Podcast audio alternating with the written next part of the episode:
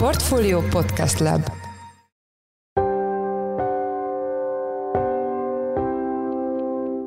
Üdvözlünk mindenkit! Ez a Checklist, a Portfolio munkanapokon megjelenő podcastje május 31-én kedden. A mai adás első részében a tegnapi EU csúcs találkozón született döntésről, az orosz olajembargóról lesz szó, amiből Magyarország és a MOL egyelőre kimaradhat.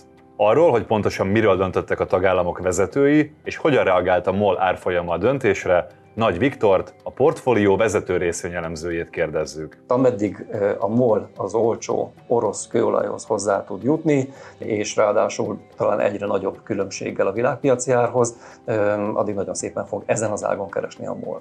Ezután a néhány hete elindult branch közösséggel foglalkozunk, mely közösségi finanszírozási lehetőséget kínál hazai projektek számára.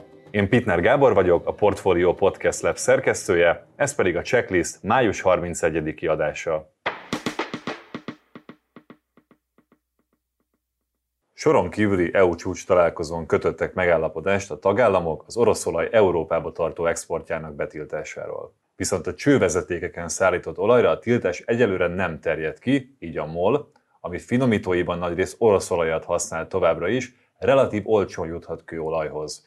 A témával kapcsolatban itt van velünk a stúdióban Nagy Viktor, a portfólió részvény rovatának vezető elemzője. Szia Viktor, üdvözöllek a checklistben. Sziasztok, üdvözlöm a hallgatókat. Mit tartalmaz pontosan a megállapodás, miről döntöttek az uniós tagállamok vezetői? De most egy soron kívüli Európai Uniós csúcstalálkozót tartanak Brüsszelben. Ez egy kétnapos találkozó, ahol már az első nap fontos döntések születtek, és hát ez az, ami Magyarországot és a, a múlt is érinti.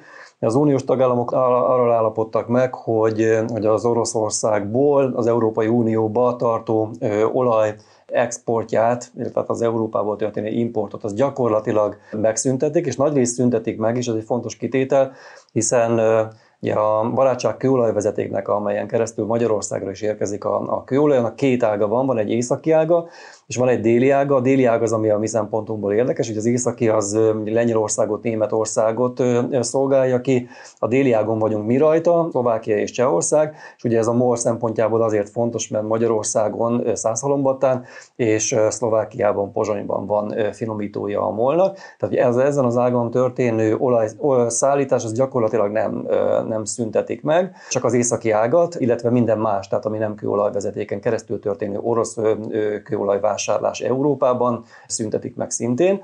Tehát ami a mi szempontokból fontos, hogy a déli ágat, tehát a vezetékes kőolaj vásárlást, és annak is a barátság kőolajvezeték déli ágán történő vásárlását, azt viszont továbbra is engedélyezik. És ez egy nagyon fontos kitétel. Ugye a leges legfontosabb dolgot azt egyelőre még nem tudjuk, tehát azt nem tudjuk, hogy mondjuk a mentesség az milyen időtávon vonatkozik Magyarországra, Szlovákiára. Azért nem tudjuk, mert nem mondtak még erre előzetesen semmilyen dátumot, ugye? Így van, tehát ja, itt, itt is a magyarországi különadókhoz nagyon hasonló módon Európai Uniós szinten is csöpögtetik az információkat. Ugye az első, tehát a megállapodással kapcsolatban a fontosabb részleteket már megismertük, de, de például az, hogy mondjuk Magyarország milyen időtávon kap mentességet, azt nem. És azt is csak egyébként egy, a, a belga miniszterelnöknek a, a nyilatkozatából tudjuk, hogy például Csehország esetében 18 hónapra szól a, a mentesség. Tehát azt, hogy Magyarország Magyarország és Szlovákia milyen időtávon kapott mentességet, azt egyelőre nem tudjuk. Milyen hatása volt az intézkedés bejelentése az olajára? Hogy alakult például a Brent Ural spread? Ugye ez egy nagyon fontos kérdés, és ez nem csak a MOL szempontjából fontos, hogy az olajár az hogyan alakul, hanem más olajtársaságok is. Ugye egy globális termékről beszélünk, és a MOL szempontjából is fontos világpiaci ár, ugye Brent típusú kőolajnak az ára, az, az 2-3 százalékkal szinte azonnal följebb került. Tehát a mai jegyzésekben azt látjuk, hogy a befektetők újra elkezdték árazni azt, hogy Oroszország tartósan kiesik a, a globális kőolajpiacról, kevesebb lesz a kapacitás, miközben meg azt látjuk, hogy dübörög a világgazdaság, és kőolajra igenis szükség van. Eközben egy fontos kitermelő nagy rész kiesik a világpiacról, tehát ezt kezdték el árazni a befektetők, és amit kérdeztél a Brent Ural spread, ugye ez röviden azt, azt akarja, hogy a, a nyugati típusú Brent kőolajnak az ára, illetve az orosz kőolajnak az ára közötti különbözet az elmúlt hónapokban jelentősen megnőtt.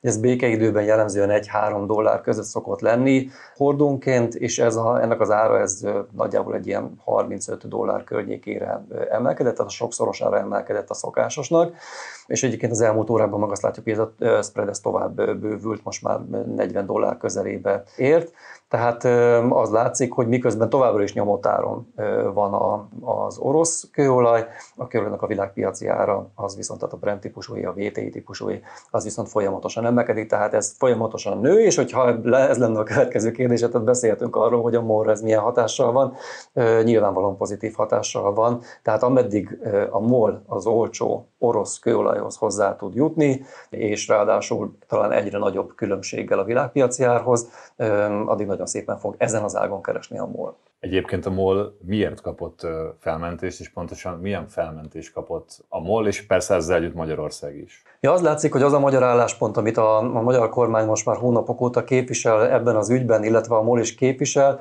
mégpedig az, hogy egyes országok egyszerűen a földrajzi elhelyezkedésük miatt sokkal kiszolgáltatottabb helyzetben vannak ebből a szempontból, nincsenek kikötőik, ne, távol vannak a, a tengerpartoktól, ezáltal pedig a, a tankerhajókkal történő beszerzés is sokkal nehézkesebb, mint más országok esetében.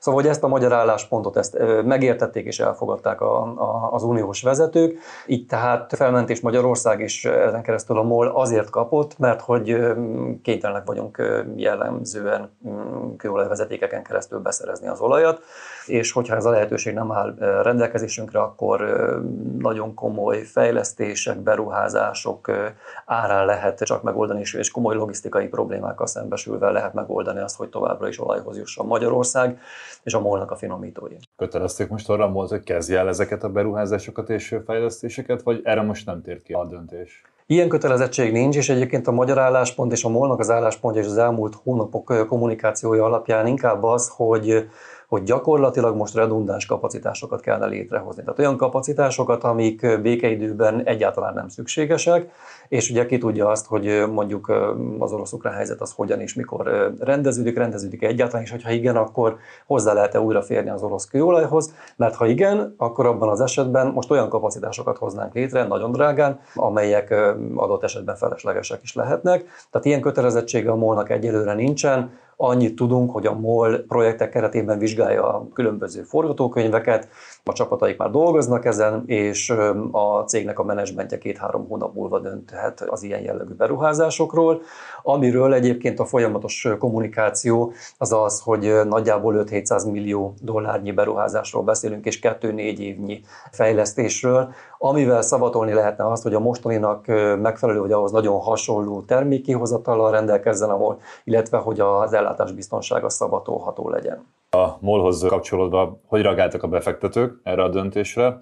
Most egyrésztről sújtja is a céget egy intézkedés, a különadóknak a bevezetése, az itt kitárgyalt engedményekből eredeztethető haszon az, az el fog menni a különadó hatására, vagy, vagy ez azért bőséges nyereséget jelent a molnak? Hát egyelőre úgy tűnik, hogy nagyjából addig tartható fent az árstop, és, és egyébként ez a hatalmas mértékű különadó is, ameddig az orosz kőolaj az érkezik az országba. Tehát a magyar politikai vezetés és a MOL is gyakorlatilag mindent megtesz, ha csak más nem, akkor a kommunikáció szintjén, a magyar kormány pedig nyilván a brüsszeli csatákkal, mindent megtesz azért, hogy minél tovább rendelkezésünkre álljon az olcsó orosz kőolaj, ami egyébként, igen, tehát a marzsokat néz, nézzük, és a molnak a, az eredményét nézzük, akkor brutális profitot eredményez, eredményez a molnál. Tehát az a fajta kommunikáció, amit a kormány folytatott a különadó kapcsán, hogy most az extra profit az valójában mi, ugye erre definíció nincsen, de hogyha a molnak a számaira nézzük, akkor igenis látjuk azt, hogy a jelenlegi helyzetből azért alaposan profitál a, a, az olajcég.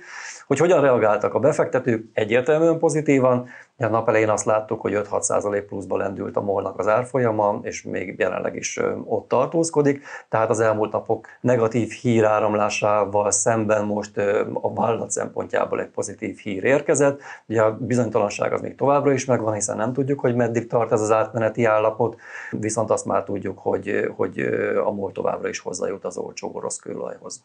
Beszéltünk már arról, hogy a döntés Magyarországra milyen hatással van a morra de arról nem, a döntés következményei hogyan hatnak majd az orosz gazdaságra. Az így kieső bevételeket tudják valahonnan pótolni?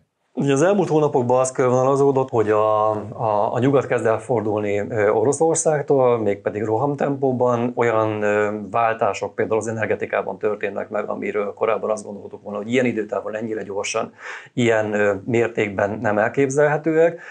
Ennek egyik példája most az, hogy az orosz kőolajról is leválik gyakorlatilag Európa.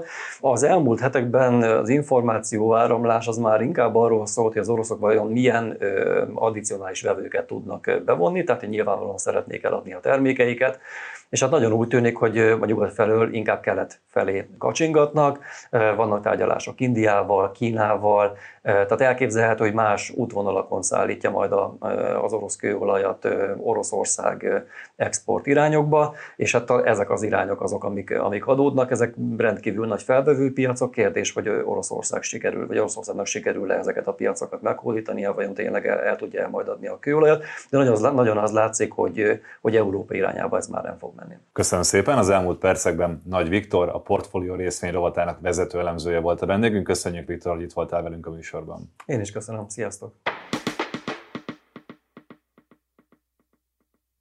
Néhány hete indult el a Branch közösség, mely közösségi finanszírozási lehetőséget kínál hazai projektek, ötletek számára. Az első eredményekkel és a kezdeményezés céljaival kapcsolatban Kövesdi Gábort, a Branch közösség alapítóját kérdezte a Portfolio Podcast Lab munkatársa Forrás Dávid. Néhány hete indult a Branch közösség, amely egy közösségi finanszírozási piactér. Célja, hogy az ország legújabb termék és szolgáltatás fejlesztési projektjeit összekösse közösségi finanszírozással. Itt van velem telefonon Kövesdi Gábor, a Branch közösség alapítója és igazgatósági tagja, akit üdvözlök a checklistben. Üdvözlök én is mindenkit, sziasztok! Röviden be tudnád mutatni a, a projektet? Ha mondjuk valaki ismeri a Kickstartert vagy az Indiegogo-t, akkor úgy nagyjából képben van a, a branch közösség működésével is? Így van, a, gyakorlatilag a sajtóközleményünk is így jelent meg, hogy eh, ugye a magyar Kickstarter elindult. Gyakorlatilag ugyanazt a modellt szeretnénk mi is Magyarországon meghonosítani, amit a Kickstarter csinál, az ilyen új innovatív projektek egy közösségi finanszírozásból el tudjanak indulni, Nyilvánvalóan azért, azért, azért nagyon sok más dolog is van, mi nagyon-nagyon próbálunk a magyar piacra, a magyar emberekre, a magyar vállalkozókra szabottan működni, illetve a magyar vásárlókra. De egyébként ugyanúgy működünk, így van. Milyenek az első tapasztalatok? Hány projekt van jelenleg az oldalon? Mekkora a finanszírozási tömeg gyűlt már össze, és mik eddig a legnépszerűbb projektek? Két hete indultunk élesben, előtte már a toborzás az megindult, tehát projektként lehetett jelentkezni az oldalra. Azt láttuk, hogy óriási az érdeklődés erre az alternatív forrásszerzésre, forrásszerzési megoldásra. Közel ezer jelentkezőnk jött össze az elmúlt pár hónapban akik, akik ebbe a közösségi finanszírozási modellben szerencsét akarnak próbálni. Ebből most 30 projektet tudtunk elindítani, akinél mind a projekt is, a projekt készültsége, az emberek felkészültsége, illetve nyilvánvalóan komoly adatlapot is össze kellett ezeknek az embereknek tenni. Szóval akik ilyen szinten álltak, azokból 30 ilyen projektet tudtunk elindítani. Két héttel ezelőtt, azóta azt látjuk, hogy szépen beindultak a, azok a projektek, amelyek, amelyek ugye önmagában is elég sok energiát tesznek abba, hogy minél szélesebb körben vigyék a, a hírüket, tehát van már egy 10-15 projekt, ami, ami időarányosan úgy áll, hogy, hogy a kampány végére azt gondoljuk, hogy ezek sikeresek lehetnek. Tudsz néhány konkrét példát mondani a legsikeresebb projektekről, illetve hogy ha ezeknek a közösségi finanszírozásába én, mint befektető beszállnék, akkor mit kapok cserébe? Nem fogom mind a 15 felsorolni, de az látszik, hogy azok a, azok a termékek, szolgáltatások működnek eh, nagyon jól, amik önmagukban is jó befektetések, jó árérték arányban vannak kínálva, illetve, illetve nyilván meg tudtuk találni, illetve a termék maga meg tudta találni a célcsoportját.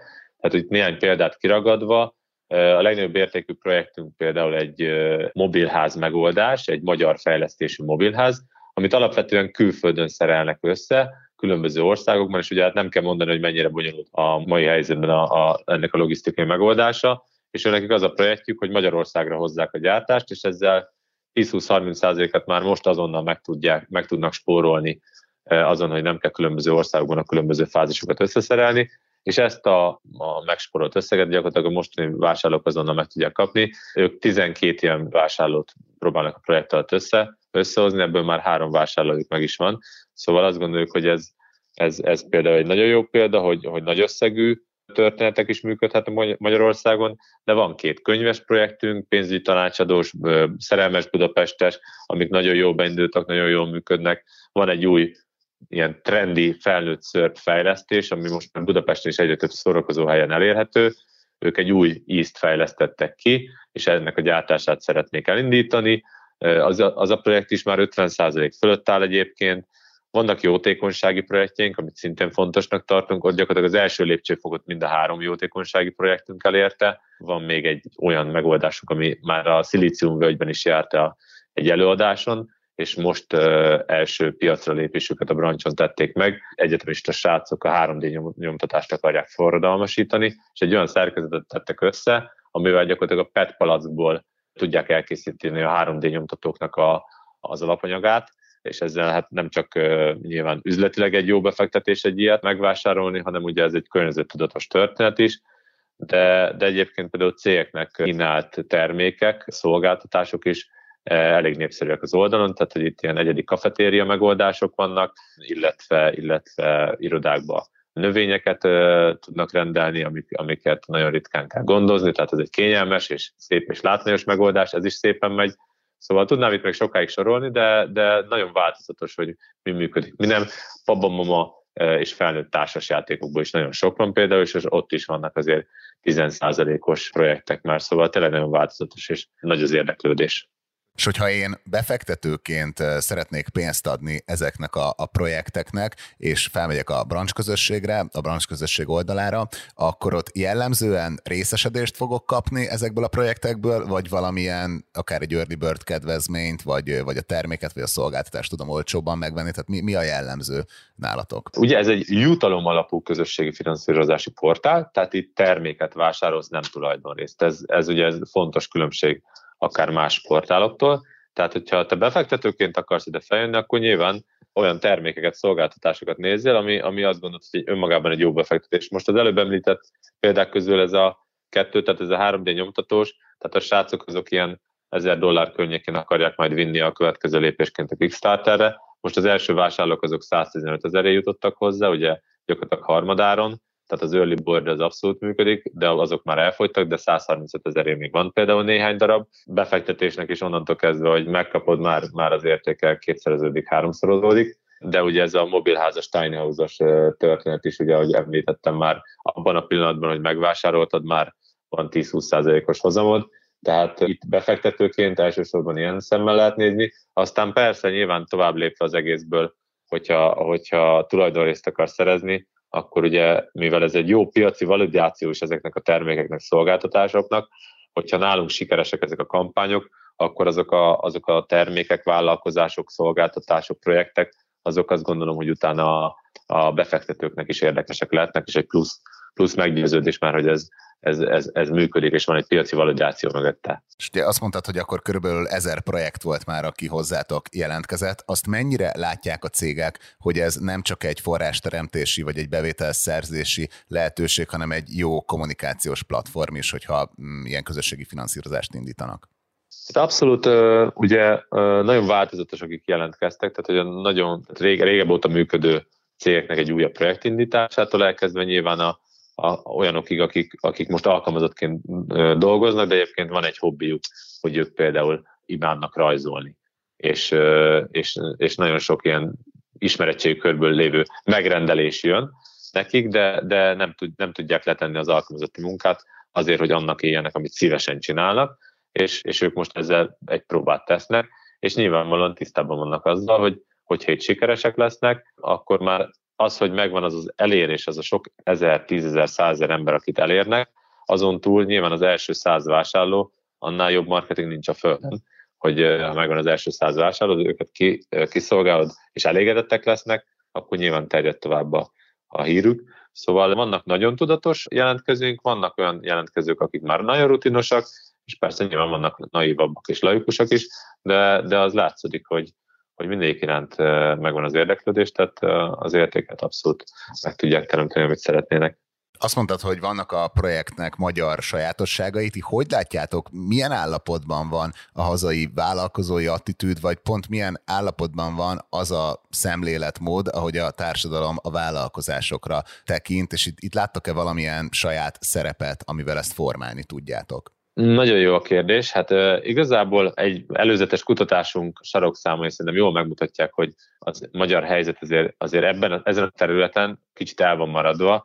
Tehát mondjuk mint Nyugat-Európában vagy Amerikában az emberek 60-70%-a már használta a közösségi finanszírozást és vagy a Kickstarter, Indiegogo portálokat, ez Magyarországon 10-15 százalék. Nyilván ez azért is van, mert Magyarországon nehezen vagy nem volt elérhető ez a történet, tehát hogy ez, ez, ez kettős dolog, de hogy ez, ez a megoldás, ez egy, ez egy új, ez az elmúlt 5-10 évben felfutó sztori. Nyilván ehhez kellett például az internet, internet nélkül ez, ez nem tud működni, mert a közösségi média, a, a, a, a, vagy akár a Google-ről, ha beszélünk, viszont Magyarországon ezt a szakadékot kell minél gyorsabban leküzdeni. Azt látjuk, hogy az emberek, a vállalkozók azok, azok, azok is óvatosabbak, de ami a nagyon nagy különbség, az a vevőknél van, ugye a tudatos vevők, tehát ugye itt azt várjuk el a vásárlóktól, hogy ők, ők úgy hozzanak vásárlási döntést, hogy ezzel egy kicsit a jövőjüket is, az országuk, a gyerekeik jövőjét is alakítják, mert hogyha magyar vállalkozástól veszik meg akár a társasjátékot, akár a mobilházat, akár egy befektetésnek való kutyanyakörvet, vagy ezt a 3D nyomtató alapanyagkészítőt, akkor ezzel segítenek is egy magyar vállalkozást, és munkahelyet teremtenek, visszaforgatják ide a pénzt, és nem feltétlenül egy kínai terméket vesznek meg. Ez, ez, ez a tudatos vásárlói attitűd, ez kialakulóban van Magyarországon, lát, látunk rá jó példákat is egyébként. Azt gondoljuk, hogy ez most abszolút felfutásban is van, például a környezettudatos vásárlás is abszolút felfutásban van, akár egy saját közösségi kertes projektünkön keresztül ezt tapasztaljuk, hogy egyre nagyobb az érdeklődés, és egyre többen mennek döntést hozni abban, hogy jó, egy, egy kicsit több időbe kerül lehet, egy kicsit utána kell járni, lehet, hogy egy hónappal később kapom meg, de, de, de inkább a magyar, a háztáit, a hazait fogom megvenni, és nem a nagy világportáról rendelem, és Kínából hajózik ide az a termék, vagy Spanyolországból az a paradicsom.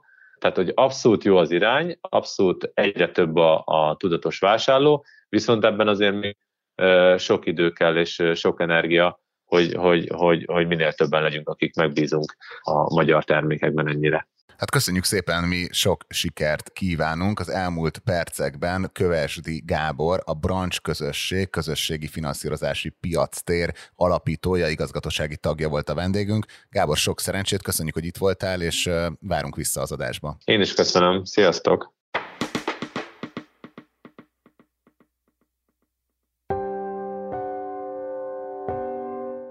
Ez volt a Checklist, a Portfolio napi podcastje május 31-én kedden. Ha tetszett, iratkozz fel podcast csatornánkra Spotify-on, Apple Podcast-en, Google Podcast-en, vagy a többi nagyobb podcast felületen. A mai adás elkészítésében részt vett gomkötő Emma, Forrás Dávid és Bánhidi Bálint, a szerkesztő pedig én, Pitner Gábor voltam. Új adással holnap 5 óra körül jelentkezünk, addig is szép napot, sziasztok!